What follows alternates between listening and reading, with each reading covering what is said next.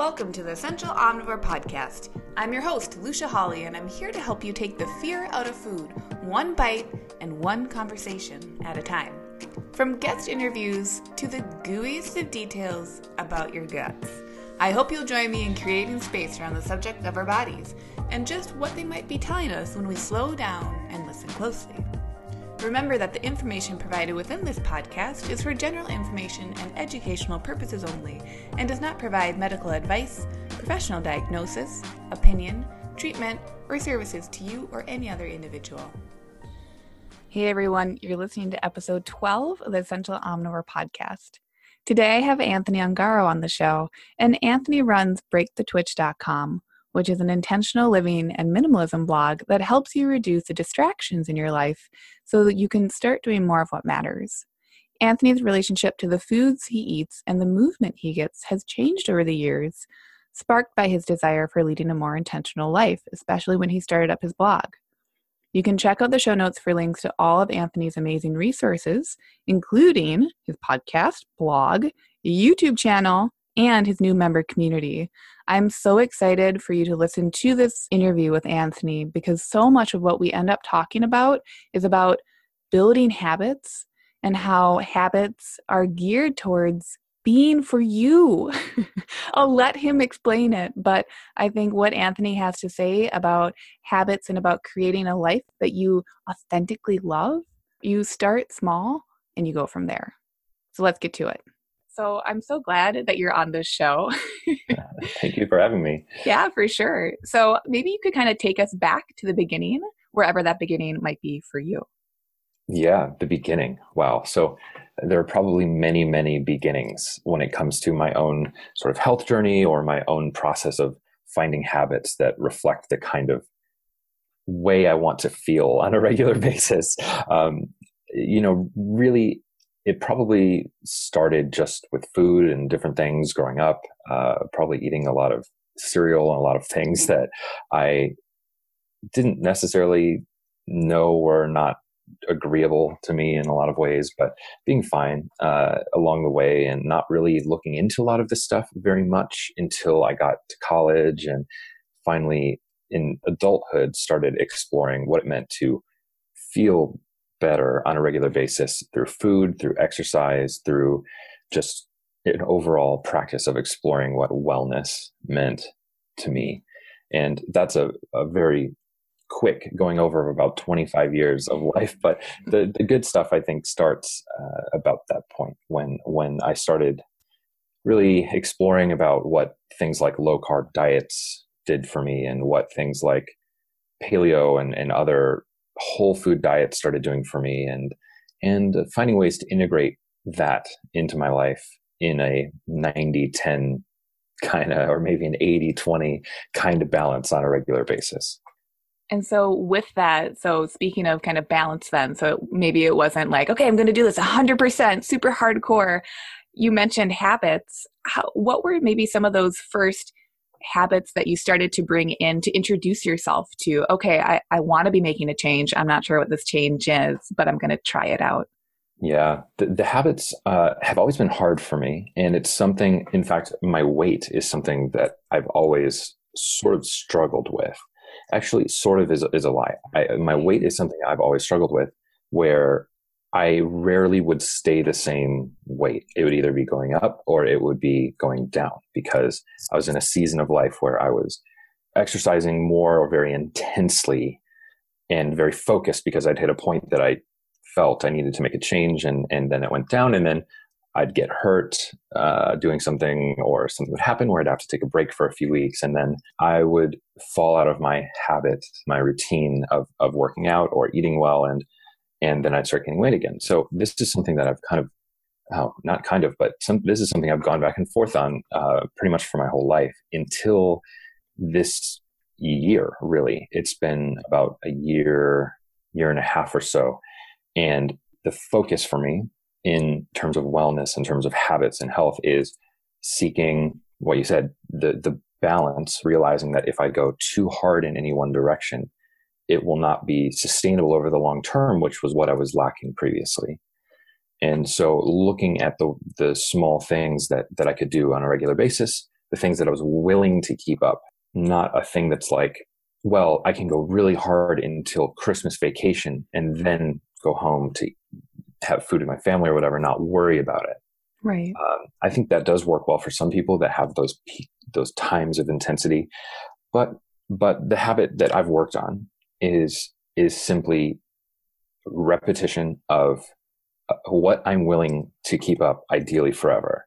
And so far, for the last year, basically, that has that has worked very well, and it's been helpful to have a partner as well going with me to the gym. So my wife and I go and, and do strong lifts together and, and this kind of stuff. And that's been really helpful as well. But the habits are specifically, now I'll, I'll boil it down here. Yeah.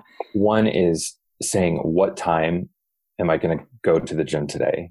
If there is going to be a workout, what time am I going to go to the gym today? And not, should I go to the gym today? changing some of the fundamental just questions I ask myself and the way that I position it has been really helpful. The habit of for the the lifting side, the, the actual physical wellness, I've really slowed down on cardio and just focused on about an hour long compound lift program to just focus on progress because the, so that makes the other habit following this program so that I can very clearly see the results of what I'm doing. Right. And so if I'm not seeing the increases in weight as I go, as I as I continue lifting, I can say, okay, well maybe I'm not eating enough calories, which is shocking to me. Like I need to eat more. That's That's huge. yeah, which feels really it felt really uncomfortable to even think about that. Mm. I did an experiment where I ate, I lift three times a week and I did and, and then go for a bike ride or something one day a week on top of that. And I did an experiment where I ate a pint of ice cream after lifting, immediately after lifting each day yeah. for about three weeks. And during those three weeks, I hit uh, every lift, every workout going up five pounds every time. And all of my lifts increased by 20, 30 pounds in that period of time. That's amazing. So, was it the best way to get that extra thousand calories? And was it the best way to do it? I don't know, but it sort of has changed my relationship to the way I think about ice cream or the way I think about foods that traditionally I've felt maybe guilty about or something like that. So, yeah, how did you feel about ice cream before those three weeks? That it was a something I should be not proud of eating. Yeah. Right. So not only was it like, well, oh, this is a naughty treat or whatever, there was that element of that. And that there was also just this feeling of oh, shame is too strong of a word, but it, it felt like oh, I really shouldn't be eating this, too much sugar or whatever. Um, but I was going to eat it anyway. So then I just eat it and feel bad about it. Right. So having that perspective, I think that little experiment I did really did shift, realizing that this is a thing that is not bad for me. If I use it in the right way, all of a sudden I get stronger. Yeah, um, in fact, it's not only not bad, but it's there's utility to it. Utility, function, right? Yeah. And and so that oddly enough, then this is just in the last month or two, that has changed my view of ice cream, sugar, or any of the things that I've traditionally thought of. Oh, I have a sugar problem. I need to not. I need to fight this. I need to ah, put a lot of energy into not eating those things.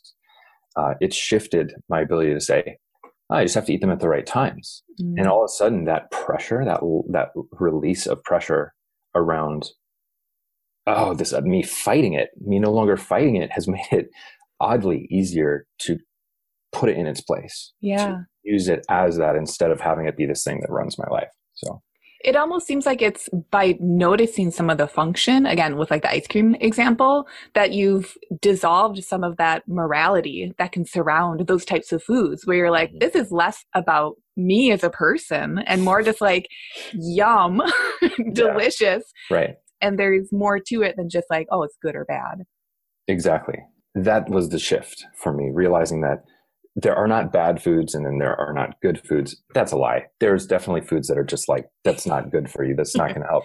But what I'll say is that it, it changed my perspective of what, um, it changed my relationship to it.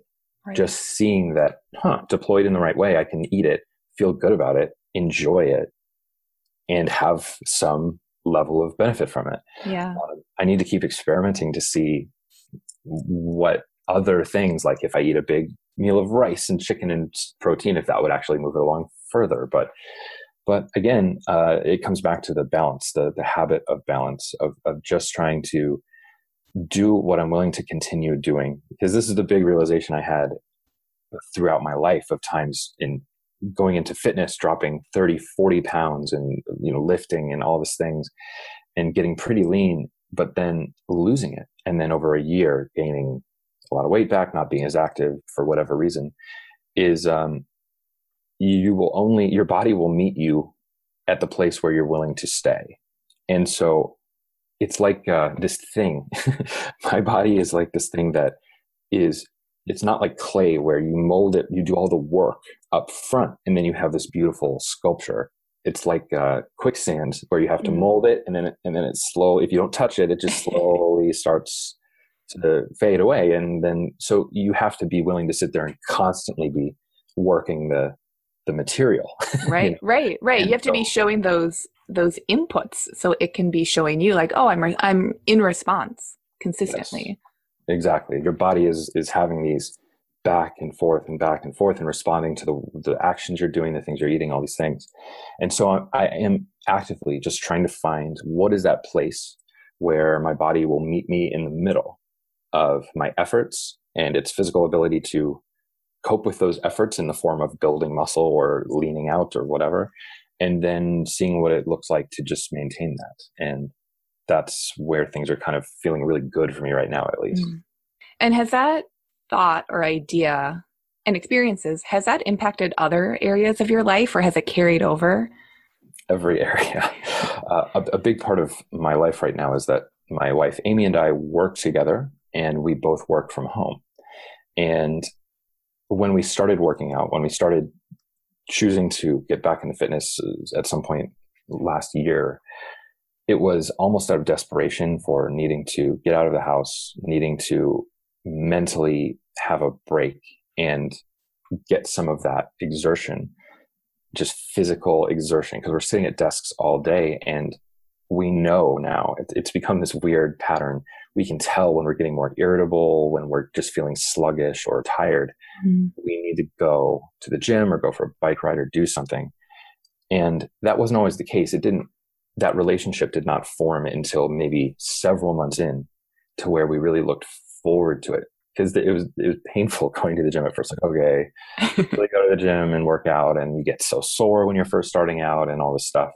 But months into it it became i'm exhausted. We should go to the gym. And we go and lift and by halfway through the workout i'm just bouncing and, and i'm just you know ready to, to go and i'm feeling more upbeat you get the dopamine. I don't know the science behind it, but I, I yeah. feel better uh, and more energized after, which is crazy because you've just worked out. But mm, right. But I think there's just this element of having an expectation. Your body, like, oh, I know how to do this. Like, this is the program. This is the lift. You just go in. You don't have to think about it, and it really helps me feel better. And again, it changed holistically changed my relationship with the food that I was eating after having that experiment where I ate ice cream after lifting and and um, and the result of that actually was I gained nine pounds in two months uh, from my low point of when I started working out to now. I gained nine pounds in two months, but my for the first time ever with that gain, my belt size did not change, mm. and so that was like a, a really interesting letting go of like, oh, I don't need to just cut. I don't need to just cut, cut, cut. No, you need to be lean. You can focus on strength. You can focus on other things. You don't need to have that be your pure health focus. Yeah. Right. And part of wanting to bring you on was also bringing in more male perspective because I think so often with health and wellness, there can be such a gendered slant to this discussion. Mm. So, how did it feel once you recognized that your conceptualization of those calories could be going up instead of just down? Because I think that is that so much in our world right now is like, oh, cut the calories, cut the calories, like bring it down, bring it down, get smaller. So, what was that like for you? It was very interesting. I'm trying to kind of wrap my head around exactly what that all looks like for me. But my goal with working out up until this year was literally way less. you know, lean out and weigh less. That was the reason I would go work out. And in the last year, maybe a little year and a half or further, I would say the change happened that caused me to realize that this is not a, a singular goal, that health and fitness is not a singular goal. There's the cardiovascular health, there's the stamina, there's muscle, there's strength, there's there's all of these different relationships of how these things interact. and yes, it it still is weird to me the idea of eating more than maintenance calories or more than I don't track calories exactly, but I know week to week because I'm weighing myself. I know week to week what's happening mm. to my body and, and to what I'm doing.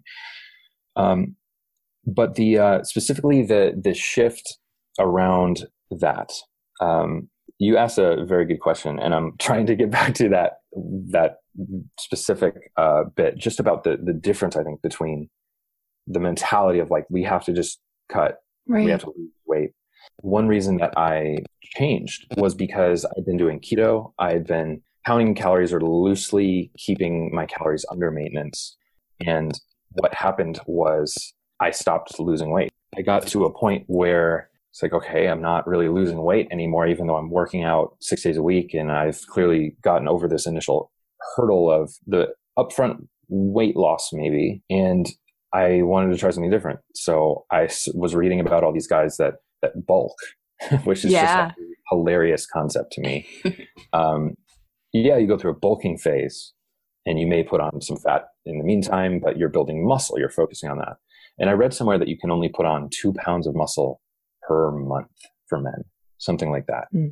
which is to me very seems very small. It's like not that it's not that much. Yeah, um, totally.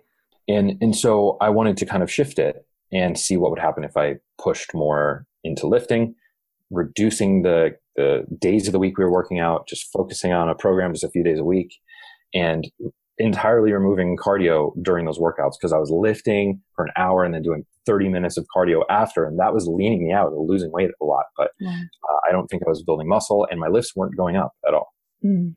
I, I want to give the context here that I started doing squats for the first time in my life at 33. Mm. So I'm not this guy that's like been in the gym or like has a, a muscle memory of big, strong muscles from college sports. I started squatting at 33. So I want, and I started squatting 95 pounds, uh, the bar and a couple weights on each side, uh, which is where, you know, and I weighed what, 205 or some pounds. So I, I started at a place where was very beginner and I don't want anyone to think that this is like, oh, this guy's just talk because he's doing this or this is, he's a natural at this. No, this is like, I'm not a typically strong guy. Sure. So yeah at least in my perspective. So um, it's been really cool following the StrongLifts program, doing the compound lifts, and seeing the effect that that's had on my body, and and squats being something that I look forward to, and, and instead of thinking are just terrifying. Yeah. Yeah, and something that quite literally builds you up, but also it sounds like kind of emotionally as well. It's this uh, time of the week or the day that you and Amy like to go and kind of release some of that pent up or lack of energy that you can release. You know, when you're typing on a computer, your fingers are moving. That's about it. That's it. Yeah, that's it. So the fact that it's so holistically supportive of your life, I mean, my gosh, that feels like it definitely ties right back into what you're saying about building habits that you want to engage with habitually. Yes. Exactly. That's amazing. All these things are totally tied in and the routine and the pattern. Again, one that I'm willing to keep up. So not no longer six days a week, but just a few days a week. One that I'm willing to keep doing indefinitely, ideally, is what has helped us find balance in work, at home, in in just life and fitness and eating and food. And it, it really does just radiate out throughout all the other areas of life as well.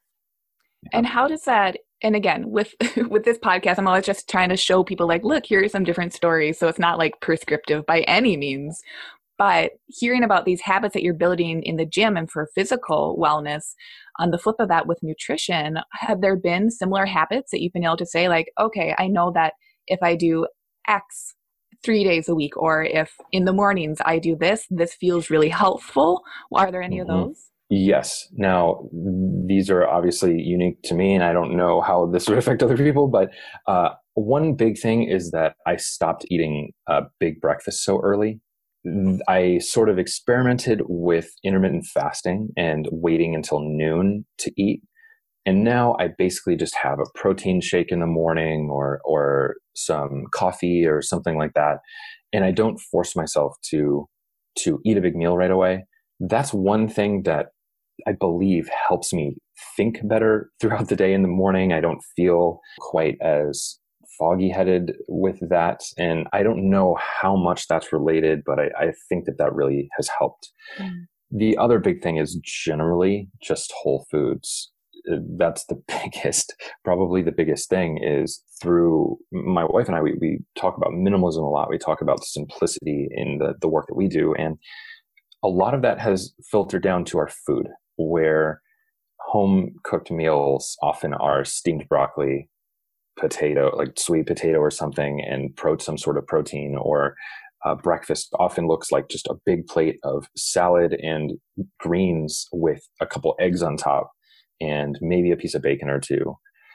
It's just very sort of simplistic whole food items 80 90% of the time and that habit of just preparation. It makes making everything easier. It makes the process of eating and, and sticking to this kind of thing much easier. And we still, like I said, we still eat.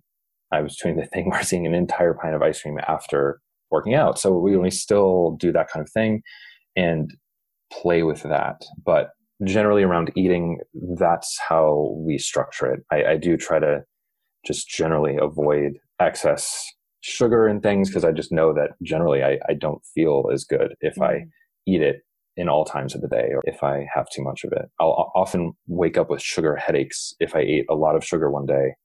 And the next morning, I'll wake up with a headache or feeling slog, sloggy or yeah, kind of a sugar a hangover. sugar, totally a sugar hangover. Uh, yeah. Uh, and so, and that started in my 30s. I could eat so much sugar and never have issues uh, in my 20s. And in my 30s, all of a sudden, my body, I became much more aware. Maybe it was probably happening, but yeah. I became much more aware of that reaction of, wow, I feel like crap. I'm probably not on a good track here if I keep doing this. So, sure. Yeah. And that you made a conscious decision that, like, oh, wait, I want to feel good. Yes. Or I want to, I want to not feel like crap at yes. the very least. I don't like how this feels and then experimenting with the change and, and what ha- are the, the habits, the ways we show up, right, every day through food, through movement, different things. Yeah. That uh, that will help me not feel that way. Yeah. With some of the habits that you've tried out, or maybe more intensive habits, or kind of what you were maybe referring to with the cardio, how do you feel when you've tried something and it hasn't worked or it hasn't stuck with you?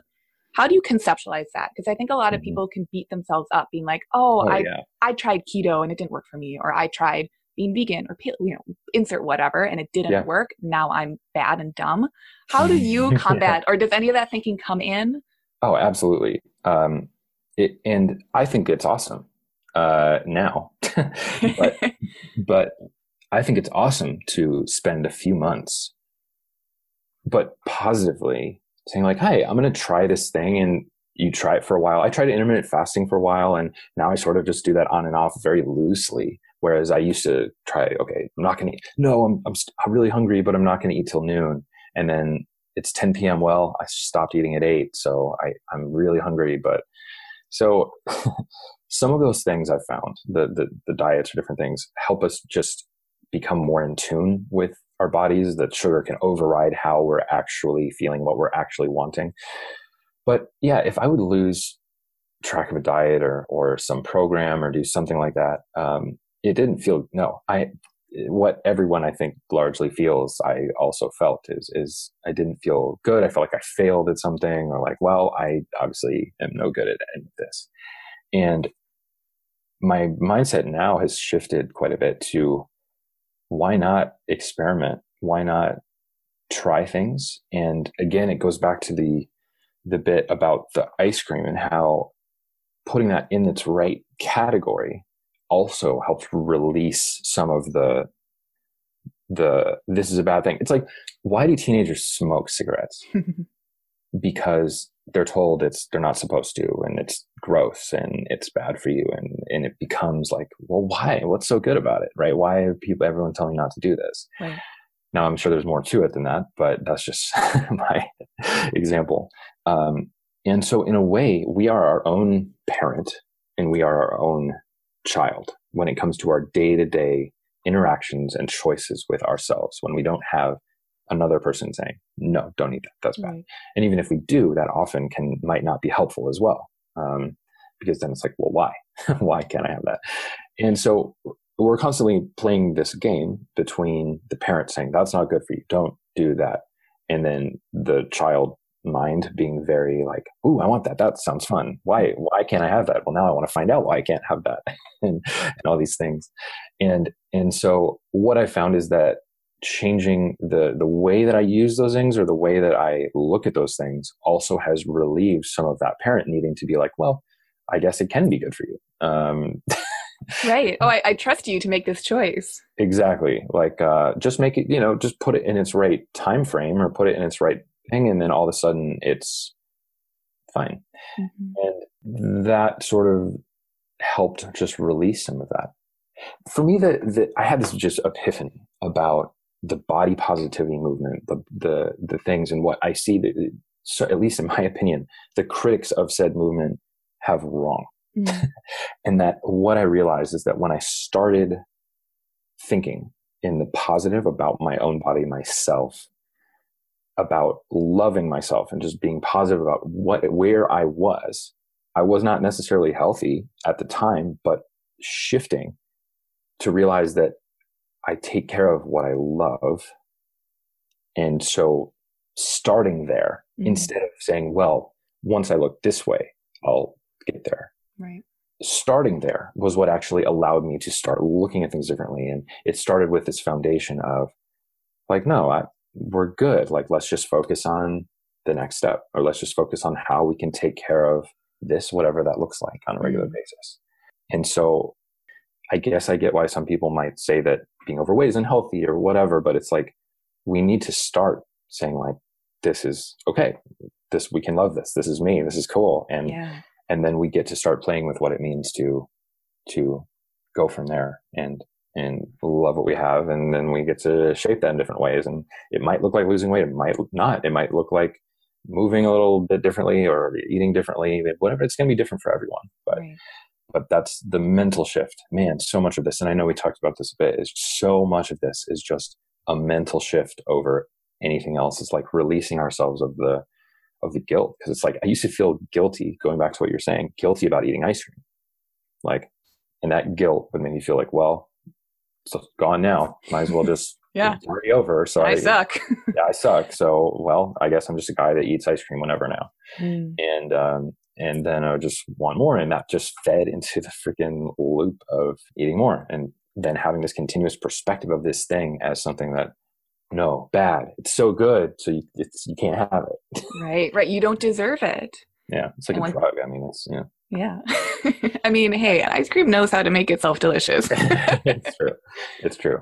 So uh, this keeps coming back to ice cream for me a lot, but it is just one of the revelations that I've Yeah. had over the last year that that um, we can treat food differently, and we don't have to. As soon as we stop feeling guilty about these things, a lot of the time it releases its hold on us. Mm. Um, at least in my own experience. Yeah. Yeah, right. And that any of these actions or habits that we can be building can be coming from a place of taking care of ourselves, whether or not that has some end goal that is changing ourselves. A change might just be, let me take care of myself. Yes. What Right. does that look like? That can be scary. That can be overwhelming to say, like, nope, I'm going to give myself enough time and energy to take care of myself during the mm-hmm. week. Right. Right. And whatever that's going to look like for you. And, it, Right. and as you said perfectly, it, it does not have to be any one goal of one direction or anything. It just means like, well, what does this look like in, on any day to day basis? Yeah. Right, right. So, do you feel like with with where because this has been more recent then, so especially in the last year, but I would say year like maybe a few years before that as well, kind of Yeah. playing around with things. Did you feel that starting with minimalism and kind of clearing this space, do you feel like that helped you to create space, maybe mental space for these different changes too? Yes. And when I talk about my specific health fitness journey of being the last year and a half or so of seeking this balance, that is sitting on the foundation of five years, six years of exploring what a balanced life looks like, um, finding out about minimalism and, and when what it meant to make space for the things that matter most to, to me and matter most to us as a people, uh, generally speaking. And so I, I believe that that is a major reason for the fundamental shift that occurred in the last year, year and a half, is that we started by removing a lot of excess from our lives, a lot of clutter, a lot of physical clutter. And with that came a lot of the removal of, I would say, mental clutter. Mm. Um, my understanding of it is that we have a bucket of discipline for the day, yeah. of good decision making for the day. And I was probably spending a lot of that bucket on small inconsequential things day to day. Distractions little things messages social media I, different notifications and little things that would just should i answer that? Should i answer that? Mm-hmm. what should i wear? Should i wear this? No. Do i have anything to wear? No. Did i need to do laundry. Okay. Right right. These little things that are constants in our day-to-day life. And and so the removal of many many of those things the the physical and the mental and it, this is a continuous process for me. This is something that i'm always evolving always editing and looking at my life and trying to find that balance. But that created the foundation for me to start figuring out okay cool physical space check cool what are the other things that influence the way that I think on a day to day basis, the way that I work, the way that I show up, and and it's an odd way to think about it, but do I in fact have clutter on my person? like, am I am I carrying things that are not helping me uh, in the sense of just my body and the way I'm eating and the way that I'm interacting with the world and things like that, and and uh, and so that it created a space to start thinking about this stuff more and start experimenting with it more and and then really follow some elements of process mm. that allowed me to see the changes that I was making and actually somewhat identify where they may have come from instead of having a life of entropy or just somewhat of chaos. Yeah. like, well, I don't feel well, but I have no idea why, you know? Yeah. And I don't have the time or energy or space to think about it. To even start breaking it down. Right. Right. Right. And so that absolutely was, this has been a multi year journey of creating the space of looking at what I look at habits, just that word in general, in terms of how are we showing up each day. Um, I, I, say this all the time, but it's, it's, uh, my favorite quote is, is how we spend our days is of course how we spend our lives and boiled down to me that that's from Annie Dillard. And mm. to me, that boils down to when we look back on our lives, it will be the little things we do right now repetitively that we go, oh yeah, that's how I spend my life. It's it always is so easy for us to feel like, oh, I can focus on this later, or once I graduate, once I get that promotion, once I finally pay off this debt, then I'll start living in the way that I've always wanted. Or, and there are some fundamental things around that, or I'll start eating better then. I just need to get through this now. Um, and there are things in life that make it very difficult to focus on those types of things when it comes to self care and, and eating in ways that help us. But in general, uh, I have to remind myself always that life is now. This is what this conversation is what is happening right now. And in this moment, you're running a podcast and I'm being interviewed on a podcast. Right. And this is how we're spending our lives, you know? Yeah. and, and it's something that I think can really help bring us just into this moment of it's beautiful that if I go for a five minute walk, I exercise. If mm-hmm. I go for a five minute walk, I am a person that walks and you can re-identify yourself. You can recreate yourself in every waking moment. And that is a wonderful opportunity that we all have every day. No matter what happened in the past no matter how many times you've failed at maintaining a thing or whatever if you go for a run if you eat a whole food meal you eat whole foods. Cool. How awesome is that? That's so powerful.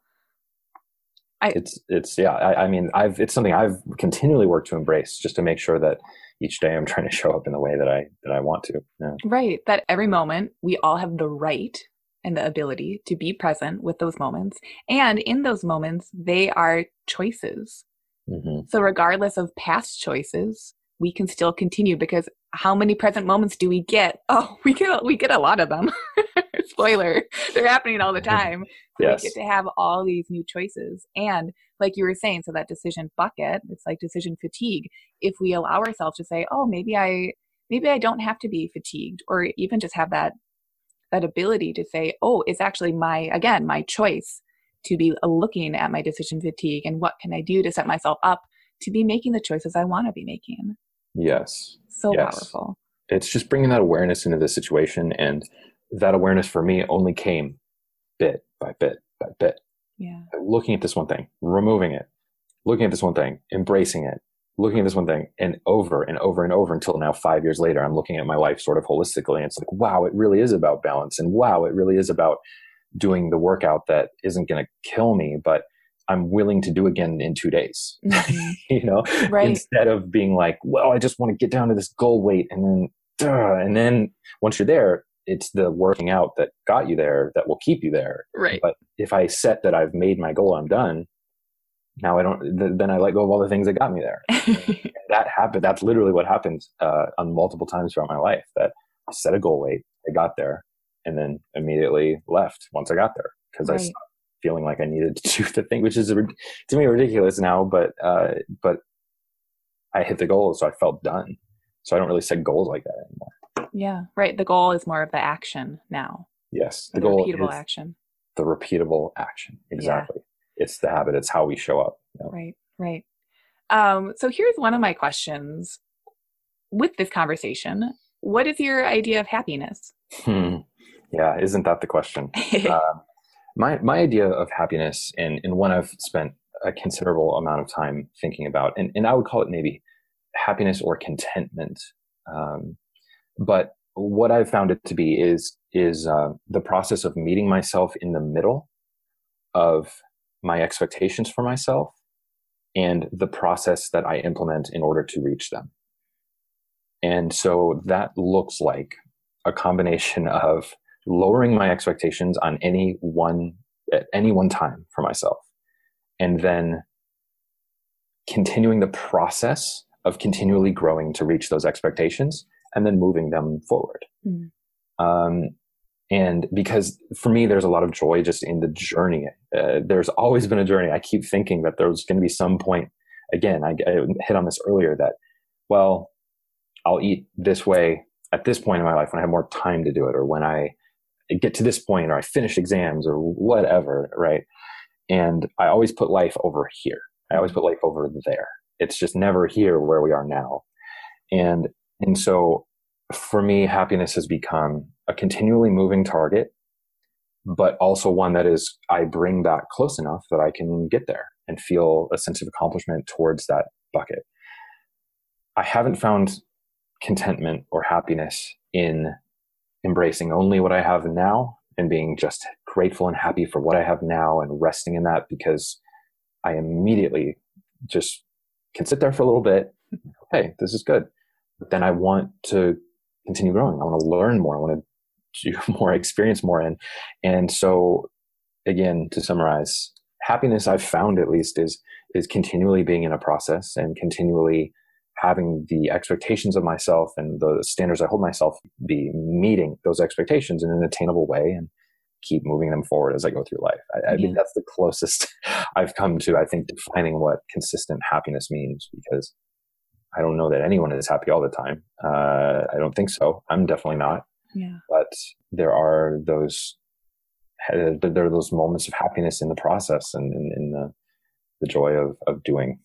I loved what you said about feeling like oh once the exams are done then i'll be this way or once once i'm once i am this way then i'll do that i don't think that's uncommon so why do you think people put life over there instead of recognizing life's happening right now yeah uh, i'd love to say that it's it's easier uh, it's easier to just kind of psychologically tell ourselves that well i'm busy right or I, I have this going on and this is the focus. This is more important right now, or this is. And legitimately, there are a lot of people that everyone has things that are very important family things children things things that are essential critical and overwhelming and i'm not saying that everyone oh just let go and like no i'm not saying that at all um, I, what i'm saying is simply that that we always tend to push back the things that we want to prioritize because it's easier to imagine ourselves in the future doing it in that perfect vision of how things will be mm. rather than implement. It's the same reason people struggle to write their story because in their head, it's perfect. It's perfect in, in, in your head. This is why I struggled to write a book because I had this vision of a book that was in my head. And when you start writing it, it's no longer perfect and it never will and so that same thing applies. And what it took was me literally writing a paragraph at a time and just letting go of all expectation to finish a book, right? But in the same way, we have to just sort of look at our lives as this is happening. this is how things are going now. And this is what it looks like, I guess. Yeah. Yeah. Right. It's like joining with yourself instead of saying, I'll, I'll get there. You're already mm-hmm. there. yes, you're already there. We can bring ourselves together in in this moment, and and I guess 33 years in now, I, I've realized that there will always be something else. When you graduate, there will be looking for a job. When you're in a job, there will be that project that's going to get you the promotion or help you keep your job, or there will always be something else. And continually i've done this over and over and over with even entrepreneurship. With health it's it's like immediately something will come to fill the space if you do not intentionally put something there. And so we just have to choose to just fill it by choice because something else will just it'll just there will always be something else. There will be another business challenge. There will be another family challenge. There will be another health challenge you're going through that, that will make things difficult. There's just always, this is just life. This is the process of life. And so we need to choose to fill that space as soon as we can yeah. um, in the way that we want. You know? Right, right. Expect that that's going to get filled up, so you better fill it up. Just put something in there. Yeah, plug it in. mm-hmm, mm-hmm. Um, a little bit of a switch, but what is your favorite word? Yeah, in a very similar way, uh, process. Ooh. This is one that yes, process is my favorite word, and and it's hit me very intensely over the last few months even mm-hmm. realizing that my my default is not process my default is uh, random so i do things differently if i don't follow process i'll just kind of do whatever's top of mind and and i've also realized that the reason that process is i think my favorite word is that life is process that that our entire lives 99% of our lives are process and then a tiny shred of 1% is the finish line. It's in any project, in any health goal, fitness, life, work, school, 99% of our lives are process. Whereas we get to celebrate the end for a brief moment until the process starts again. it goes back to the, the idea that it's like something will fill the space. It's just gonna keep going um, unless we really step back and choose to live in a cabin by a lake without any technology and, and fill our day with fishing and cutting logs. I don't know. Right, right. But uh, so if our lives are entirely process with a few sprinkles of, of result, should we not enjoy the process? Mm. And should we not do our best to be present in the process and embrace the process of not being where we'd like to be, of not being in the ideal, but being in the process to continually reach it, to go for the things we want, to try for the things we dream of, to to embrace this process of maybe getting there or maybe not, but loving the process along the way. So that's yeah. why process has become my favorite word for sure. Yeah, and just even in the last few months. Yes, very recently. I just tweeted about this actually. Uh, I think two days ago. So yes, that also when you when you're describing that it makes me think too that i think when we think about process we think about finding autonomy at the end like that goal that celebration whereas i think a lot of what we're talking about is saying like you can have autonomy within the process you get to choose the process and yes. maybe that level of choice is going to vary depending on everything else that's happening. But I don't know if we really grow up in a world. I don't know why it is culturally, but I think our culture doesn't promote that. And it seems like we have to almost fight for it to be like, no, wait a second, I get to choose. And it's not selfish, it's not egotistical, it's not anything. It's just a life where I get to choose and reclaim autonomy over it. Yes. It, one of my favorite things that a friend of mine said was if you can't enjoy it now, you won't enjoy it then. So if we save our enjoyment and our contentment of who we are, of the work we're doing for some point in the future when we hit 100,000 subscribers or when we hit that certain job title or when we hit that thing, if we can't enjoy the process of how we're getting there, you won't. You'll hit it and it'll just move. Mm. It'll just go somewhere else and it'll be a new chase to that thing. So if you can't enjoy it now, you're probably not going to enjoy it then. And so we need to do the best we can to enjoy where we are now. And and that I've just found is uh, so true. Yeah, and that that gets to be motivating instead of like exhausting or overwhelming. Because I think that is the other side of the coin. It's like, oh my god, this is a lot of choice that I have to make. Wait a second. Wait right. a second. Right. No, that autonomy gets to be expansive instead of restrictive. Mm-hmm. And that doesn't include even the fact that culturally we have a societal love affair with the result, mm. the 1% of our lives.